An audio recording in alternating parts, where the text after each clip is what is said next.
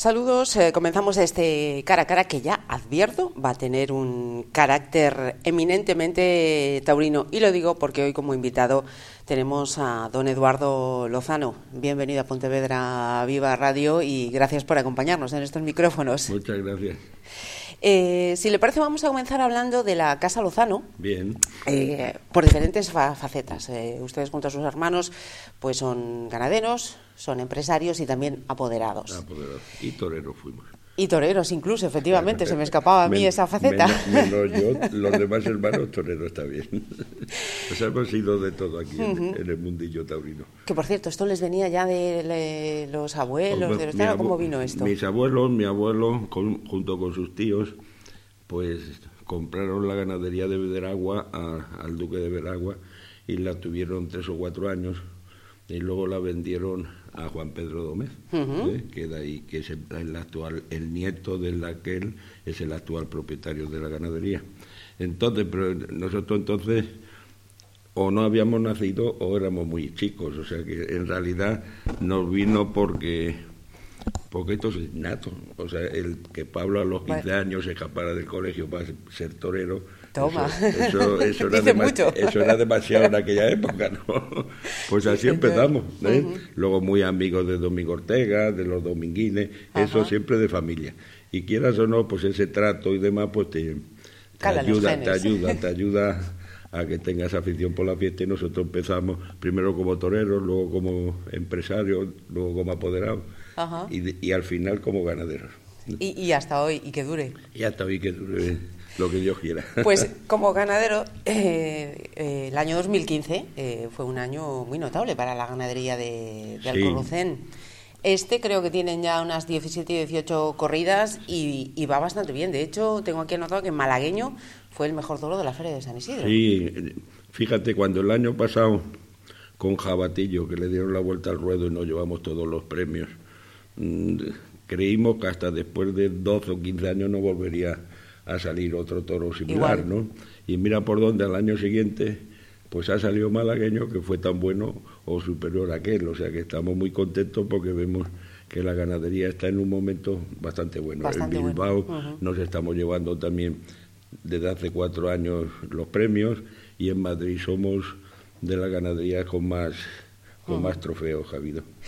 Eh, comparte eso precisamente con esta trayectoria que estamos eh, comentando, con estos reconocimientos, estos premios, comparte eso de que mm, de alguna manera uno no es eh, profeta en su tierra y que de alguna manera aquí en Pontevedra, ser la ganadería, digamos, de casa, se les exige más que al resto. Pues es posible, pero a mí me la piden los toreros. Aquí tengo en todas las corridas del Corrucel los toreros triunfan. ¿eh? Prueba de ello que este año el cartel de, de Estrella, lo primero que me hicieron fue que al Currucén la querían traer el, cartel de Morante, el Juli y Rocarrey, que abre la feria el día 7 de agosto. Y nosotros pues elegimos una corrida eh, de buena nota y demás, y no solemos fallar. Hombre, como en, casa del escribano siempre puede salir algún borroncito tenemos la satisfacción de haber perdonado la vida aquí a un toro de ah, Alcurrucén, con la desgracia de que del puyazo y demás se nos murió al año, o, digo al mes o mes y pico después y no tuvimos la suerte de que fuera de que fuera semental para, porque fue extraordinario aquel, aquel toro. O sea, que yo estoy contento con la trayectoria que está teniendo Alcurrucén aquí en Pontevedra. Y pasamos al ámbito empresario. Esta temporada también, lo que llevamos de, temporada. ¿Cómo están respondiendo las, las taquillas?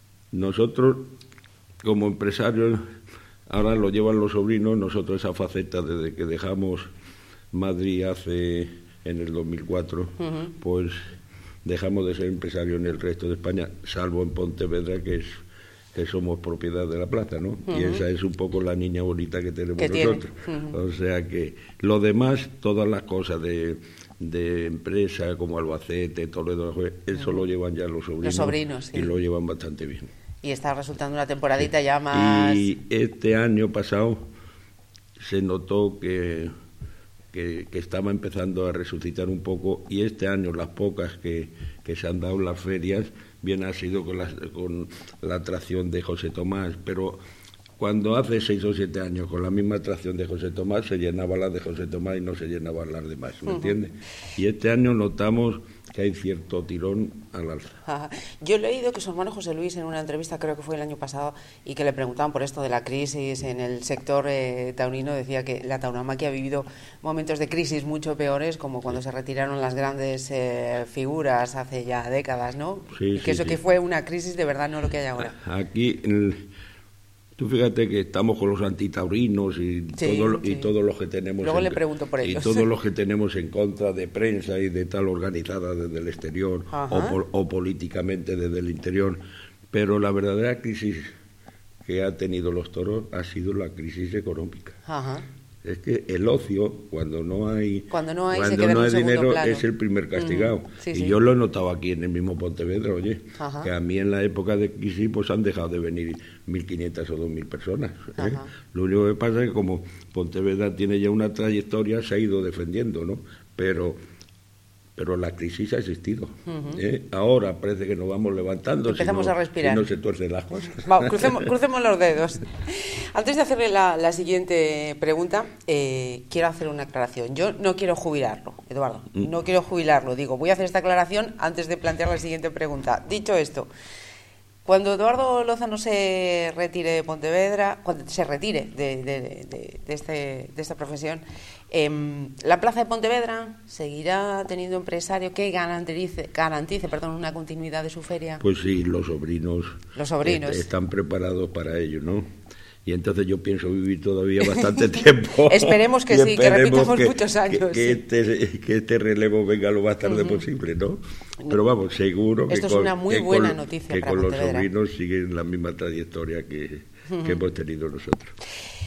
Y hablando de esta feria, seguro también que está al tanto, lo acaba de señalar, de las eh, demandas eh, antitaurinas para que no haya toros en esta ciudad. El Concello se ha declarado antitaurino, no obstante, eh, mantiene ese convenio con su empresa. De hecho, esta semana pasada hubo un, hubo un, pleno en el que se ratificó que se iba a mantener ese convenio. Em, ¿Usted conoce algún caso igual que este de, de Pontevedra y cómo se siente como empresario? yo me siento aquí muy a gusto en Pontevedra porque con el actual alcalde el primer enfrentamiento que no fue enfrentamiento, la primera conversación que tuvimos es que no le gustaban los toros y que no quería toros y punto. ¿eh? Entonces que no iba a ayudar a los toros eh, en nada. Y llegamos después de como ellos utilizaban la plaza, que yo en aquel momento se la regalaba, digo, pues mira, yo te voy, a cobrar, yo te voy a cobrar por la plaza y das todos los festejos populares, no populares que creas oportuno. Y llegamos a un acuerdo de hace 13 años ya y, la relación ha sido tranquila y, normal, cordial. Y cordial, es verdad.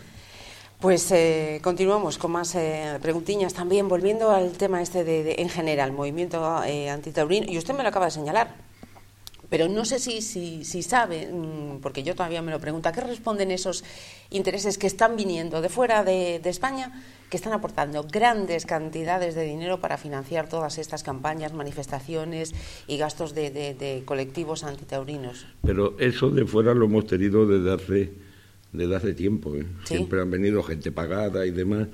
Eh, esto empezó a tomar un poquito más de auge a nivel político cuando ya Barcelona políticamente se posicionó. se posicionó en contra de la fiesta y con la ayuda del empresario de Cataluña, que hay que decirlo todo, cerraron la plaza. ¿eh? Pero fue ya políticamente. Los anti de fuera los hemos tenido y, venían pagados, eso es lógico y normal, ¿no? Pero aquí ha sido más un poco la posición política. Pero, mm, a ver, los políticos exactamente. Esa era otra pregunta también que, le quería plantear. Imagino que les hace falta también un poquito más de, valentía para, defender esto. Hombre, aquí tenemos, hemos tenido hasta ahora, hasta ahora teníamos dos o tres partidos que defendían la fiesta. O sea que era el Partido Popular, el Partido... Partido Socialista también. El Partido Socialista y luego los demás pues, ciudadanos y tal, o sea que los únicos que estaban un poquito en contra ha, sido siempre la izquierda. ¿eh? Pero, y ahora mm, Podemos, con mayor violencia, ¿no? pero es que ahora el que nos está fallando es el Partido Socialista. Que, Sin embargo, que, como ha pactado con ellos en diferentes pueblos y diferentes ciudades, pues esto de no ayudar a la fiesta y de, y de prohibir la fiesta, pues ha sido... Parece que está de moda, ¿no? Ha sido que está de moda, esa, es verdad. Yo creo que, que poco a poco todas las cosas se, se, se, pongan en su sitio. Muy importante a la fiesta, que es lo que está pasando ahora, es que salgan valores nuevos. ¿Me entiendes? Porque ahora mismo han salido tres o cuatro chavales que están moviendo mucho a la afición porque, ven una gran competencia con, con las figuras que ya están más asentadas, que, están asentadas. Y entonces estos seis o siete años que hemos tenido toreando tres figuras, tres figuras, ahí faltaba algo. Faltaba una competencia, y eso lo están dando ahora los chavales, y ya verás cómo eso va a ser un repulsivo bastante bueno. Pero tenemos que aguantar la fiesta, como tú has dicho antes, ha habido momentos gravísimos, ¿no? Sí, sí. sí porque además eh, una de las críticas de, los antitaurinos también es que eh, esto es algo de, ignorantes y yo, yo me pregunto, bueno, es un poco atrevido, ¿no?, eh, decir que somos ignorantes cuando esta fiesta mm, de décadas, de siglos, viene respaldada por intelectuales y hombres de la cultura importantísimos. Cuando los más, fíjate, Ortega y Gasset y todos aquellos, pues Alberti, pero forofos de toreros como Luis Miguel, como Domingo Ortega, eran forofos. y, se, discutía. Eso a lo mejor es lo que está fallando ahora un poquito. que, también la intelectualidad, se no, se, no se aficione como se aficionaba antiguamente aquello. ¿eh? Pero vamos, poquito a poquito yo creo que vamos a ir para adelante. Pasito a pasito. También hablaba eso de esas nuevas eh, figuras y pasamos a la parte ya de los Lozano como, como apoderados. Eh, efectivamente, eso es en nombres pues como que vamos a ver en Pontevedra, Roca Rey, están haciendo eso, que la gente de nuevo eh, tenga esa afición esa por esperanza. Porque estos nuevos transmiten esa ilusión de querer ser figura de torero y, lo exponen en la plaza, o sea, se, están jugando algo y eso transmite al público, porque lo peor en los toros es cuando en un tendido el público ve la sensación de que no pasa nada o que eso lo puedo hacer yo. Eso es fatal para la fiesta. Aquí en los tendidos tiene que haber una inquietud, una AIVA, algo que, aquello no lo hace cualquiera, que lo hace solamente el que está el que está en el ruedo, el que está enfrente, claro. Y yo creo que eso lo estamos, afortunadamente van a salir ahora tres o cuatro chavales que van a, van a, han traído la competencia y la figura han aceptado que ha sido una buena posición también, porque algunas veces la figura cuando viene uno arreando pues no la quieren ni ver en pintura. Eh. Y esta vez pues sí, la han metido en sus carteles y va tomando esto un camino bastante bueno. ¿Y de la cantera Lozano? ¿De quién pues, destacamos? Eh, de la cantera los sobrinos eh, han tomado ahora la alternativa Álvaro, Lorenzo. te estoy hablando de Roca Rey, te estoy hablando de López Simón, que viene aquí también. Te estoy hablando de Álvaro Lorenzo y te estoy hablando de otros par de chavales que van a dar mucho de, de qué hablar, de hablar en esta, en esta temporada. Si usamos términos eh, futbolísticos, creo que ahora mismo ya me acabo de responder a esa pregunta. ¿Cuál sería su, más que el Dream Team, que estaríamos hablando ya de, de 11, su, su terna perfecta en este momento? Hombre, pues en este momento una, un cartel, un cartel que está acabando el papel en todos los sitios y espero, y espero que, que en Pontevedra sea también como era antiguamente, es Morante, el Juli y Rocarre, que torean aquí el día 7 de la primera feria. Es ahora mismo ese cartel que se está anunciando en casi toda la feria y que está llenando todos los sitios donde va. Hablando de estos eh, jóvenes que están repuntando, eh, me gustaría también que mm, destacásemos, que mm, pusiésemos en su sitio la importante, la importante labor, precisamente en este momento, ¿no? que creo que están haciendo las escuelas eh, taurinas, pese a todas las críticas y ataques que... Hombre, las escuelas tienen, entre los propios, entre los propios taurinos, tienen sus partidarios y sus, no, y no partidarios.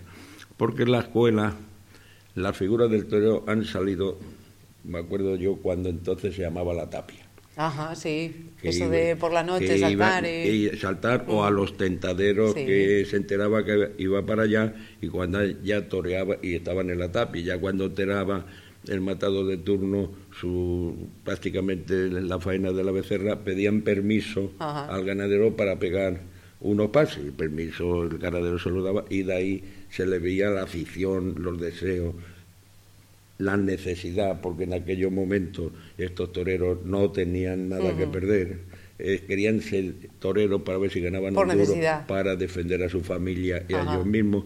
Y eso da un valor y una y, sí, sí. y, una Es como el miedo, es libre. Y una la necesidad también. Que ahora esto de las escuelas ha humanizado demasiado el aprendizaje de los toreros. Es cierto, es cierto porque además yo recuerdo. Y no además tiene un defecto, aunque yo no sea contrario a las escuelas. Tiene un defecto que quita personalidad, porque a todos los toreros lo quieren enseñar de la misma manera. Y no, cada torero tiene su personalidad. Por eso yo me acuerdo del maletilla que, ese, cada cual tenía su personalidad y el profesional de apoderado o de banderillero de aquella época le veía que podía ser torero y ya le ayudaba desde entonces, o sea, le ayudaba directamente, o el ganadero le ayudaba, porque en todas las épocas la necesidad de que salga torero nuevo ha sido necesario, ¿no? No tanto como ahora, que hemos estado 12 o 15 años en, un desierto. Casi en la sequía. en la sequía total, pero sí. Las escuelas son necesarias, pero le falta ese que hay que yo para mí, yo para mí la única escuela en España que sacó torero y que se, y que se llevó divinamente fue la de la de la, la, escuela de Marcial Alanda de Madrid, cuando la llevaba de director Gregorio Sánchez. Gregorio Sánchez no se casaba con nadie. Y el que podía ser torero el que valía, valía, y, al que, no, le valía le decía que se fuera aunque fuera el más recomendado del mundo. Sí, sí. no se casaba con nadie el primero que ponía a disposición su cargo era él.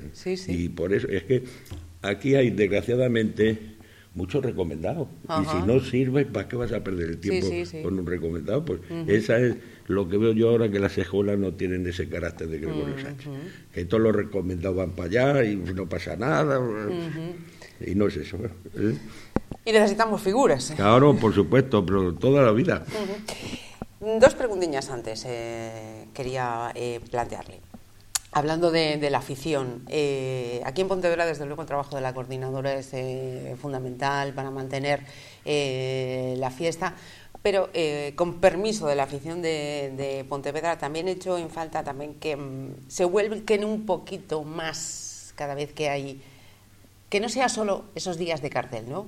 que, la fiesta necesita que, el, aficionado sea un aficionado activo, no solamente el aficionado que va el día de feria a la, a la plaza. No sé si comparte el criterio conmigo. Yo creo que la, la peña sí tiene inquietudes y trabaja, lo veo yo por, por las conversaciones que tienen conmigo. yo, creo que eh, ojalá todas las peñas de España tuvieran la actividad que tiene la peña de Pontevedra y la peña de Pontevedra con sus abonos para todas las corridas y su defensa de la fiesta, yo creo que ha sido uno de los pilares fundamentales, fundamentales para ir en contra de los no taurinos. ¿eh? Y que Pontevedra sea ahora mismo la bandera. Mientras, mientras Pontevedra siga viva taurinamente, aquí los antitaurinos no tienen nada que hacer. ¿eh? Los antitaurinos tienen éxito en los sitios donde la fiesta está muerta está muerta porque no va gente a las ferias que organiza o, las ferias que se organizan no se organizan bien es un pretexto para es un pretexto pero cuando una plaza está viva de afición ahí no hay no hay nada que temer. Pues me alegra me alegra que, lo vea así. Vamos a cerrar el círculo. Comenzábamos hablando de toros, de la ganadería y quería preguntarle también por una iniciativa eh, que se ha presentado este año, en torno a, poner en valor la carne del toro mm, de Lidia. Y, mm, a mí personalmente me gustaba la iniciativa porque precisamente reconoce algo que, mm, los que no son afines a esta fiesta no acaban de ver, y es la sostenibilidad, la biodiversidad y el respeto al medio ambiente eh, que tiene el toro de Lidia. Bueno, ya han hecho unos estudios y se los han ido mandando la gente que vive de, de, la fiesta de ganadería, de gente de campo, de luego de gente de ciudades cuando se da la fiesta, y no sé cuántos millones de euros salió a la palestra. Las carnes, por ejemplo, hay en sitios tradicionales, en Madrid se vende carne de toro, la que se le dan las ventas y la que se compra por fuera y tiene, y tiene un éxito, vamos, por recomendaciones alguna vez, porque la carne de toro es extraordinaria, porque la alimentación es, es natural 100%. Y el ejercicio es extraordinario. entonces, como no tiene la alimentación nada que le... Que, le, que, deteriore la calidad. Que engorden eh, demasiado, ¿me entiendes? Por los, no son pollos. claro, que no son pollos. Entonces, la carne tiene un sabor eh, que al final termina uno, si al principio ve que la presentación, porque eso me lo decía a mí el carnicero, Dice, hombre, es que la presentación de la carne es un poco rojiza del, ejercicio que ha hecho. Y, llega el ama de casa y dice, no, dame esa que es más blanquita. Siendo al contrario, la blanquita es la que está tocada. Y, dice, pero cuando la prueba, pues luego vuelven y, y, les gusta mucho. Eso sí. Y esperemos que, se, que no ya lo que están estudiando es saber cómo se exporta. Aparte del... porque es un, un, una comida, vamos, es un producto bastante bueno para la salud. Y aquí en España el que se acostumbra cola hacen las repite, sí, verdad yo en casa no tomo más que carne de toro o de vaca de allí de, de la casa. Matamos una becerra y nos dura un mes o un mes y medio y luego vamos, las becerras de desecho, pues... Allá van. Allí van. Pues, don Eduardo Lozano, que de verdad ha sido un placer, nos alegramos eh, mucho de compartir estos minutitos en Pontevedra Viva Radio y que la fiesta siga con esta salud muchos años en Pontevedra. Muchas gracias que tú que lo veas. ¿eh? Pues muy bien.